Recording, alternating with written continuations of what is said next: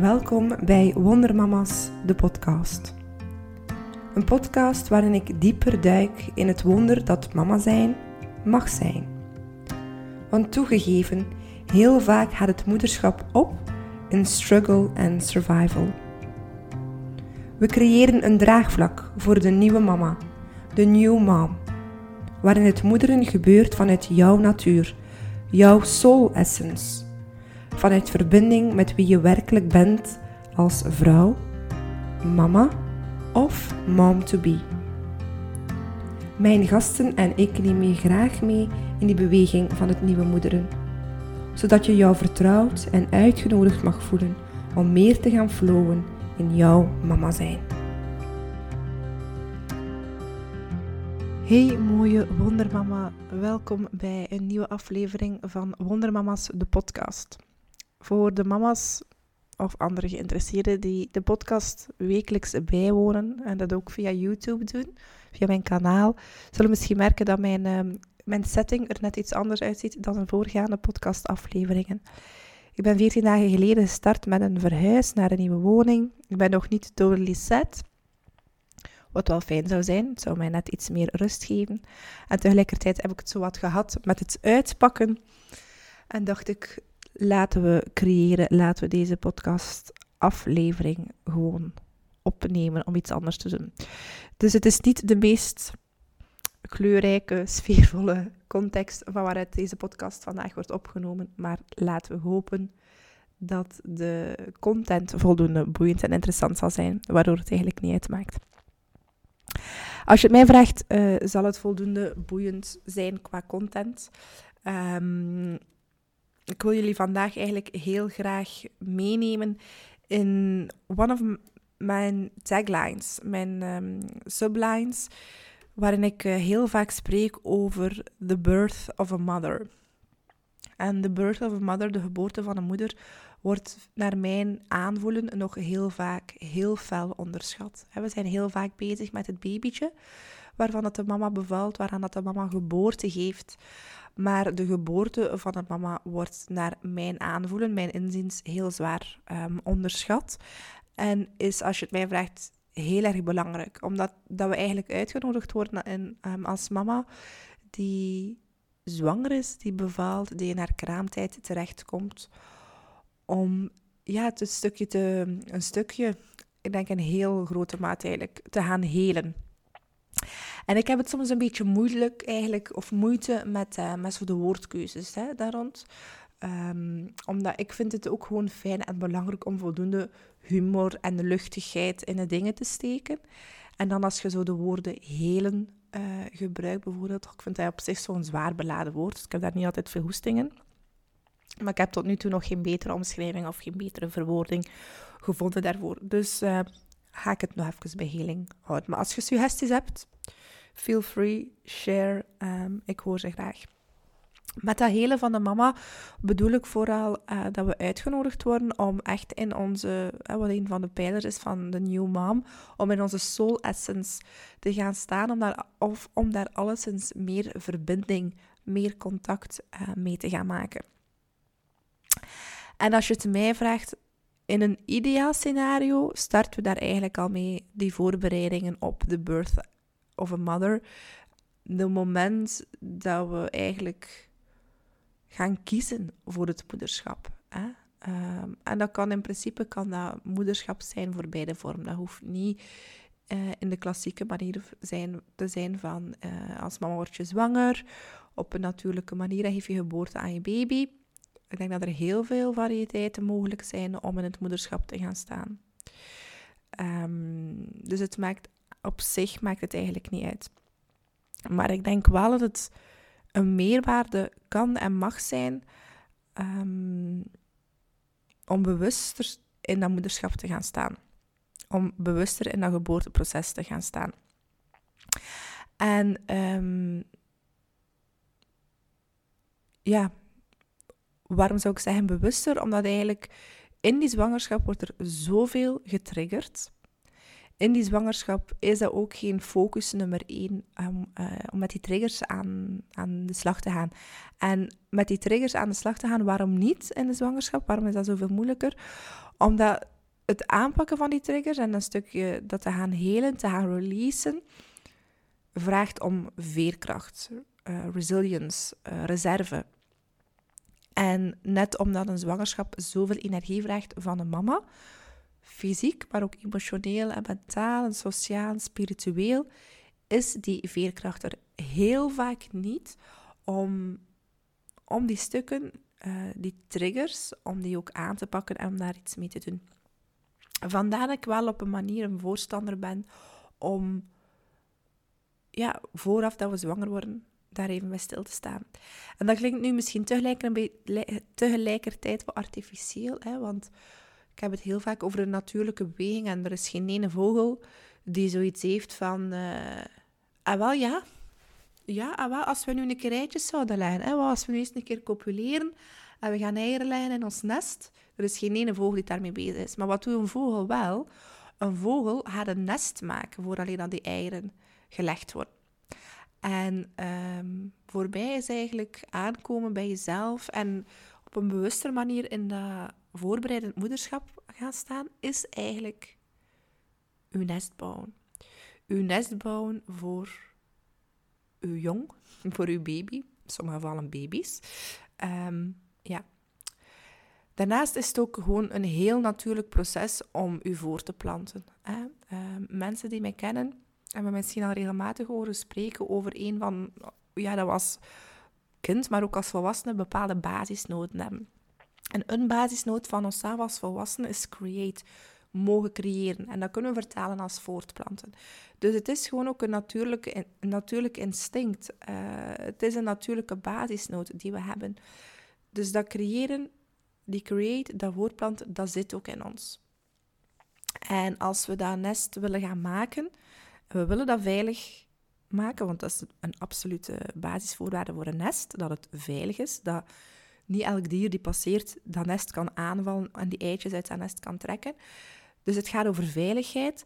En veiligheid in het nest vertrekt bij ons als mama, maar ook voor de papa's of de plusmama's als ouder, ehm, om veiligheid te gaan creëren in onszelf, om zo veiligheid te gaan creëren in dat nest. En dat lijkt mij de eerste stap uh, als we spreken over birth of mother. Verder in dat proces, ik heb hier in mijn voorbereiding heb ik hier zo'n spiraaltje getekend die naar binnen gaat. En dat is ook een beetje mijn stokpaard, stokpaardje ondertussen geworden. Als ik mama's in begeleiding heb, dan geef ik hen ook mee van eigenlijk, en er bestaat daar ook een boek over, maar de auteur ontgaat mij eventjes, over de reis naar binnen. Nu, ik heb het boek tot nu toe nog niet gelezen, maar het staat wel op mijn lijstje om te doen. En dat is ook wat er echt gebeurt. De reis naar binnen. En waarom is dat zo frappant aanwezig? We leven eigenlijk in een maatschappij die zeer naar buiten gericht is. Eh, we hebben het denk ik vorige keer ook echt gehad in de podcast met Ingeborg. We, hebben, we leven in een maatschappij waar het jonge, het mannelijke, de mannelijke energie uh, gefavoriseerd is. Het is een beetje doorgeschoten. Uh, het is er eigenlijk compleet over aan het gaan. En die energie is heel erg naar buiten gericht. Nu, zwanger worden, ook vooral de arbeidsproces, de geboorteproces, die bevalling, vraagt heel erg om naar binnen te, te keren. Om als vrouw u af te stemmen op uw innerlijke kracht, op uw oerkracht, op uw ja, energie die binnenin jou zit. Dus dat is dat ook niet zo raar dat die reis van de zwangerschap, uw voorbereidend reis op de geboorte, waarin dat je ook geboorte heeft, niet alleen aan je kindje, maar ook aan jezelf als mama, dat die uh, heel erg naar binnen uh, gericht wordt. Hè. Je merkt dat ook, zeker, uh, of ik merkte dat ook heel erg, ik zal van mezelf spreken met mezelf, als ik zwanger was van mijn dochters, de laatste weken, ik vond dat heel moeilijk om een gesprek aan te gaan met mensen.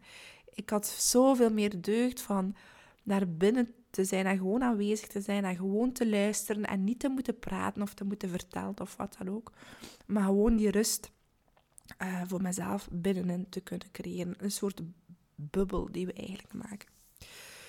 Nu, in die reis, als we het hebben over die zwangerschap, negen maanden gemiddeld zwangerschap, vertrekt eigenlijk heel erg die reis naar binnen. En eigenlijk in die reis naar binnen gaan, we eigenlijk van de jonge maatschappij, jonge energie waarin dat we vaak mee moeten lopen, worden we bijna verplicht, geforceerd, gedwongen om daaruit te stappen en naar die ene energie te gaan. Want mama zijn, oké, dus je bent ook veel bezig met je kinderen, maar mama zijn vraagt ook echt om je vrouwelijke energie te gaan omarmen.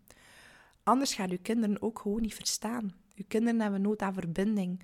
Uw kinderen hebben nood aan zich erkend te voelen in hun gevoel. En niet alleen gevoel in de zin van de emoties die ze ervaren, maar ook in... Ja, die kinderen zijn ook gewoon van nature uit zeer intuïtief. Ze willen zich daar ook begrepen in voelen. Dus er zijn zoveel facetten.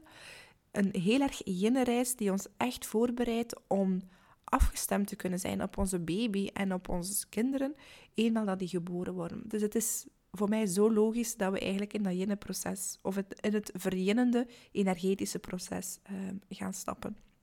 Nu, je ziet in die zwangerschap regelmatig dat er zich klachten ontwikkelen. En dat kunnen fysieke klachten zijn, dat kunnen ook emotionele klachten zijn. Fysieke klachten zijn bijvoorbeeld eh, uh, zwangerschapsmisselijkheid, die in al zijn gradaties kan voorkomen zwangerschapsdiabetes, bekkeninstabiliteit. Um, noem maar op, heel veel zaken. Maar ook emotioneel, angsten die extra opspelen, onzekerheden die extra opspelen. Eigenlijk zijn dat, als ik mijn terugverwijs naar mijn spiraal die ik getekend heb, waarin dat we reis maken, een verjerend proces naar binnen, zijn dat eigenlijk kleine bolletjes, kleine knobbeltjes die we, die we um, in die reis naar binnen tegenkomen. En die knobbeltjes zijn eigenlijk opgebouwde spanning, opgebouwde energie die ons uitnodigen om te gaan kijken van welke weerstand bijna, welke spanning heb ik door te gaan, zodanig dat ik eigenlijk meer ruimte creëer om in eerste instantie geboorte te kunnen geven, zo vlot mogelijk, zo fysiologisch mogelijk, zoveel mogelijk afgestemd hoe dat mijn lichaam perfect is gebouwd om een babytje op de wereld te zetten, om van daaruit geboorte te kunnen geven. Maar ook om zoveel mogelijk ruimte te geven aan uw mama-soul, uw mama-ziel, maar ook uw soul-essence, gewoon als, als vrouw, als mens. En het is vaak tegen die kwaaltjes hè, uh, waarin dat we geleerd hebben, vaak om pleistertjes te gaan plakken. Door een pilletje te geven, um, voor bepaalde klachten die we hebben. Um, door gemakkelijker te zeggen van ja, maar dat zijn de hormonen. Als je emotioneel wat, als je het emotioneel wat moeilijker hebt, uh, dat gaat wel voorbij. Maar eigenlijk is er een zeer duidelijke boodschap die daaronder ligt. En heel vaak gaan we dat gaan negeren. En ik merk echt in de begeleiding die ik mag doen met de mama's, dat er ook nood is om met de, met de gepaste focus, ook geen overfocus, maar met de gepaste focus, om daarmee aan de slag te gaan. Om te gaan onderzoeken wat is de boodschap daarvan. Waar heb ik ruimte te creëren om meer vanuit mijn zielsbestemming vorm te geven daarna aan mijn vrouw zijn, aan mijn mens zijn, aan mijn mama zijn. Ja. Een ander belangrijk luikje daarin is dat kinderen staan, zijn zo zuiver en zo puur als ze geboren worden. En ze hebben op zich hè, vaak... Sommige mensen vinden dat al vrij spiritueel. Um, ik wil dit niet gebruiken vanuit de spirituele ooghoek, maar gewoon omdat het... Ja, als ik het als beeld mag gebruiken, gewoon veel gemakkelijker communiceert. Kinderen worden eigenlijk geboren uh, vanuit ja, zuiver licht, zeg maar. Hè. Die zijn zo bright. Um, dat is echt een, ja, bright ball. En die schijnen eigenlijk een licht. Dat maakt ook dat, we, dat je voelt als mama, als je al een kindje hebt bijvoorbeeld, hoe fijn dat dat is, hoeveel plezier dat je kunt hebben, hoeveel liefde dat er is met je, met uw baby of met uw kind. Omdat die gewoon die, die fijne, pure energie hebben. Dus dat geeft heel veel joy, vreugde, plezier. Maar dat licht schijnt ook zijn licht op jouw donkere stukken. Want dat is hoe dat werkt. Zonder licht is er geen donkerte. Dat zijn dan de shadows, uw trigger points, de spanningen, de onverwerkte ervaringen die zich dan bijvoorbeeld vertaald hebben in, zieke, in, ziektekwaaltjes. Uh, maar eigenlijk wordt het licht geschijnd, geschenen daarop en worden we uitgenodigd om daar iets mee te doen. Nu hebben we natuurlijk altijd de optie om daar geen eigenaarschap voor op te nemen en daar niks mee aan niks mee te doen, niet mee aan de, niets mee aan de slag te gaan. Maar dan wordt het moeilijk, hè? want eigenlijk als uw kindje geboren wordt, dan zijn we ook de houvast, worden we uitgenodigd om stevig te staan. En dat is denk ik een tweede punt. Hè. We hebben de reis naar binnen, waarin dat we uitgenodigd worden om ehm, onze spannings, onze bloks, onze weerstanden, onze obstakels aan te pakken. Als dat kindje er eenmaal is, en dan ervaren we dat ook veel concreter vaak, dan schijnen die kinderen licht en dan worden we ook uitgenodigd om toch te blijven staan in verbinding met onszelf en met ons kind. Want als we dat niet doen, dan schijnt het licht van het kind zodanig fel dat het eigenlijk veiliger wordt in plaats van onze stukken aan te pakken, om eigenlijk afstand te nemen ten opzichte van de, het licht dat die kinderen brengen. Maar als je het je visueel kunt voorstellen, als we achteruit stappen of we nemen meer afstand van het licht om minder of geen last te hebben van de stukken die bij ons, de aandachtspunten bij ons die belicht zouden mogen worden, om die niet te moeten aanpakken, dan creëren we eigenlijk ook een afstand met onze kinderen. Naar eigenlijk ten koste van een verbinding met onze kinderen. Dus als je voelt als mama van, voor mij is verbinding met mijn kinderen wel belangrijk. Ik geloof ook sterk in dat, je een, dat ik een basis hechtingsfiguur ben voor mijn kinderen. Een, een gids of wat dan ook, hier in het leven voor mijn dochters, in mijn geval, maar voor uw zonen of wat dan ook. Dan word je ook echt uitgenodigd om in het center van uw gezin te blijven staan. En dan is er eigenlijk geen keus dan om jouw stukken aan te pakken. En het is tegelijkertijd niet realistisch, lijkt mij, om alle stukken tegelijkertijd aan te pakken. Nu, we hebben... Uh, soms denken van, wat een berg hebben we hier te doen als we dat allemaal willen aanpakken. Holy moly, guacamole. Maar um, dat is niet zo. Ik denk dat we ja, vier tot vijf kern uh, trauma's hebben, onverwerkte ervaringen. Dat als we, en het lijken er vaak meer, maar als we die kernen kunnen aanpakken, dan is dat precies een domino-express. Dan, dan shift de rest ook wel mee. Dus we hoeven niet alles aan te pakken. Natuurlijk heeft alle ook zijn laagjes en ga je dieper en dieper. Maar in essentie hebben we eigenlijk maar vier of vijf uitgesproken topics ehm, in het leven waarmee dat we aan de slag te gaan hebben. Nu, wat merken we vaak? Hè? Zeker in het prille moederschap is het gewoon soms veel. Als je dan nog een keer al kinderen hebt, dan is het nog een keer extra zoveel.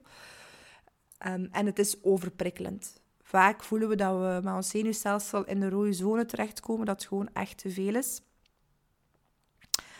Um, en dan komen we eigenlijk, ja, dan is het gemakkelijker om te zeggen van we gaan niet naar die stukken kijken. Maar die stukken gaan zich wel blijven aanzien.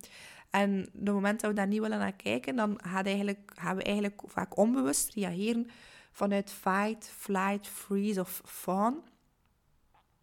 Enerzijds. En anderzijds merk ik ook dat we de neiging hebben om het te gaan overrationaliseren. Dat we er gaan over gaan bewust of onbewust gaan over nadenken, um, controle willen gaan opbouwen. Hè. We gaan een soort autopilot structuur gaan creëren waarin dat we kunnen functioneren om van heel wat dingetjes geen last te hebben. Ehm, is dat erg? Nee, dat is niet erg. Dat is wel een signaal dat, dat de situatie overweldigend is. En tegelijkertijd worden we dan ook wel uitgenodigd, als we daar ruimte voor hebben, om daarnaar te kijken en daarin te zakken. Maar de ratio gaat eigenlijk zorgen dat we kunnen overleven. Hè? Net als dat fight, flight, freeze, fawn ook zorgt dat we kunnen gaan overleven. Nu, wat wel een belangrijke is, lijkt mij, is dat op een ehm, lange termijn, als we heel veel vanuit die ratio eigenlijk gaan functioneren en gaan leven, dat we voelen, bewust of onbewust, daar ben ik terug, dat het moederschap zeer lastig wordt. En het moederschap is zeer lastig vanuit bepaalde constructies dat we in ons hoofd hebben. En die constructies kunnen zijn uh, bepaalde controles dat we hebben ingebouwd om het ogenschijnlijk rustig voor ons te maken, om van bepaalde dingen die ons kinderen tonen geen last te hebben. Maar ook tegelijkertijd, um, ik ben het even kwijt, uh, want het staat niet op mijn blaadje. Um, om van bepaalde dingen geen last te hebben, maar ook overtuigingen die we hebben meegekregen of die we hebben gevormd vanuit onze eigen jaren vooraf, kindertijd, noem maar op. Ehm, die zijn zo lang vast geweest dat het ook gewoon niet evident is om dat los te laten. En toch, daar zitten er wel wat overtuigingen die ook lastig zijn. Als jij als mama, en dat zal niet alleen als mama zijn, dat zal ook als uh, mens zijn, als vrouw zijn, ervan overtuigd bent, tussen aanhalingstekens, dat, je, dat het nooit goed genoeg is, dat perfectie altijd moet, dat je slecht bent. Ehm, alles wat eigenlijk jouzelf naar beneden haalt, wat niet versterkend voor jou is, die worden ook heel sterk wakker gemaakt. En die overtuigingen gaan ook nog een keer zoveel energie vragen, omdat dat die overtuiging is je onderliggende drive, waaraan dat hij je handelingen afstemt. Als jij gelooft van ik ben niet goed genoeg, dan ga je gewoon ook meer doen dan dat nodig is. Ga je over je grenzen gaan. Ga je misschien een typisch patroon hebben van iedereen in je omgeving te pleasen om je kinderen, maar ook je partner op prioriteit plek 1 te zetten en jezelf op plek, als we chance hebben, misschien plek 3, maar voor hetzelfde geld is dat al plek 7 of 10 of whatsoever. Dus dat wordt eigenlijk ook allemaal wakker gemaakt. Hè? Um, en dan zie je, of dat merk ik heel vaak, we krijgen eigenlijk een eerste uitnodiging. Eh, ja, kan al in de fertiliteit zijn als we merken dat het niet zo vlot verloopt. Hè? Signaal om te gaan kijken van wat zijn onze onverwerkte stukken. We krijgen eigenlijk een tweede uitnodiging in de zwangerschap zelf. Om te kijken van kwaaltjes of ongemakken of obstakels die we tegenkomen. Wat is daar de boodschap van? In het prille ouderschap eigenlijk ook. Het is gewoon veel, het is gewoon intens. En ga je blijven staan in het centrum van je gezin en zijn bereid om te kijken naar je stukken die niet evident zijn. Maar vaak krijgen we ook een... een uh, en dan als we dat niet doen, uh, ik ben daar even te snel, dan kan zich dat bijvoorbeeld vertalen in een postpartum depressie. Niet altijd noodzakelijk, maar het kan. Maar als we daar ook nog een keer gaan uitstellen, dan gaan we eigenlijk zien dat zelfs al in de vroege uh, ouderschapsjaren en de vroege moederjaren, dat we eigenlijk um, of te maken krijgen met bijvoorbeeld een uitgestelde postpartum depressie of een parentale burn-out, waarin dat uw lichaam gewoon aangeeft van wow, stop, dit is er compleet over. Je hebt zo sterke overtuigingen gehad al die jaren dat het sterk moet zijn, dat het alleen moet kunnen, dat het nooit goed genoeg is, whatsoever. Ik denk dat je jouw lijstje beter kent dan dat ik jouw lijstje ken. Um, waardoor dat ons lichaam ook gewoon crasht. Hè. Ik, heb, um, ik ben nu verhuisd. Ik heb gemerkt dat, um, of ik ben daarmee geconfronteerd geweest, op een zeer diepe laag deze keer. Ik was me er al van bewust, maar nog niet op die diepte qua laag. Mijn postpartums zijn letterlijk niet oké geweest. Ik heb geen zorg gedragen voor mezelf in mijn postpartum. Ik ben te weinig gerecupereerd. Ik heb geen ruimte gegeven aan rust. En ik heb dat gewoon weg opgespaard. Ik ben vorige week volledig uitgegaan. Echt met de lijfelijke ervaring die een vrouw eigenlijk heeft kort na haar bevalling. Ik had een bekkenpijn die niet te harde was. Ik heb fantastische mensen gehad die over de vloer zijn geweest, die voor mij helpen zorg dragen hebben. Die zelf, als een, zoals een mama pas bevallen is, uh, die mijn bekken hebben ingebonden met een rebozo, die mijn, mijn rug hebben gemasseerd, die mijn voeten hebben gemasseerd. Maar ik was echt gewoon gecrashed. En ik heb zo hard de uitnodiging gehad van, het is echt tijd om je postpartum ehm, te mogen doorleven, te mogen doorvoelen, te mogen ervaren. En dat is misschien heel persoonlijk, dit. Maar als we het veralgemenen, dan gaat het eigenlijk over als mama ook durven in die jinne, in die tragere, in die zachtere energie te mogen gaan staan. En ik denk dat dat een beetje de richting is, sowieso waar dat de birth of a mother over gaat, om te mogen verzachten. Hè? Want het is die opgebouwde spanning doorheen de jaren, waarin we dus uitgenodigd worden in het moederschap of bij de bij geboorte als moeder, uh, om daarnaar te gaan kijken, om terug te mogen verzachten. Uh, in heel ons zijn, zodanig dat we gemakkelijker kunnen verbinden met onze essentie, maar dat we ook dat baken kunnen bieden voor, voor onze kinderen in die zachtheid en in die mildheid. Voilà. Nu, wat zou je jezelf, wat zou je kunnen meenemen of wat wil ik met jou graag nog delen, wat je hier kon, kunt rond doen? Als je voelt van de dingetjes die gedeeld worden, dat resoneert wel voor mij, dat triggert mij ook op een, op een manier. Ik ben daar inderdaad misschien net iets te vlot over gegaan. Um, durf jezelf ook de vraag te stellen, dagelijks of misschien zelfs meerdere keren per dag, ehm, hoe is het met me? Hoe voel ik me? En het antwoord is niet goed en het antwoord is ook niet slecht. Hè? Ehm, dus als je aan jezelf de vraag stelt, hoe voel ik me? Hoe? Nee, daar gaan we geen uh, oké mee nemen. Het gaat echt over voelen. Ik voel me goed is een concept van ons hoofd. Dat is geen antwoord van ons lijf. Maar om echt te mogen voelen, hoe is het met mijn lijf? Ik voel mij moe, ik voel mij opgejaagd, ik voel mij teleurgesteld, ik voel me opgewonden, uh, ik voel me enthousiast. Het mag allemaal, maar durf te voelen hoe dat het met jou is en hoe dat je daar eventueel ehm, invulling aan kunt geven, afhankelijk van wat je nodig hebt.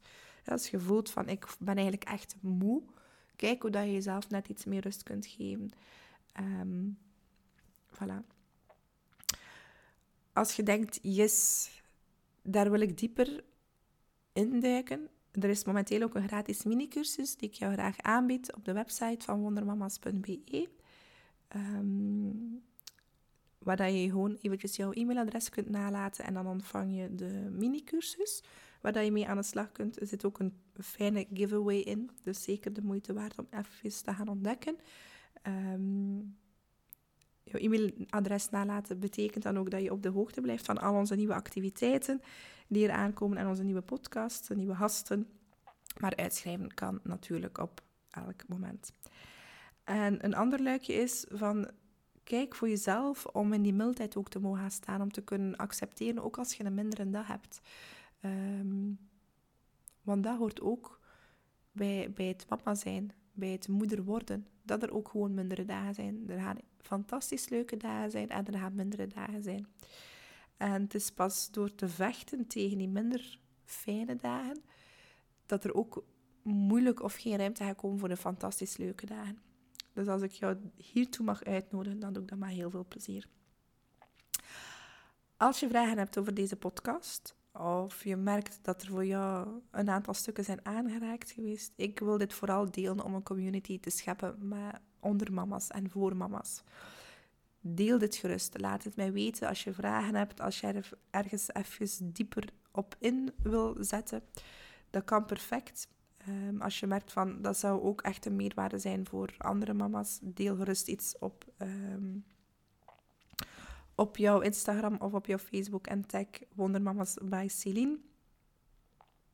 En verder zou ik zeggen, uh, deel dit. Je kan de podcast herbeluisteren via YouTube-kanaal of via Spotify. Laat jezelf uh, jouw gegevens na en blijf op de hoogte via onze nieuwsbrief of neem eventjes een kijkje op www.wondermamas.be. Dit was het voor deze podcastaflevering. Heel graag tot de volgende. Ciao, ciao. Bye, bye.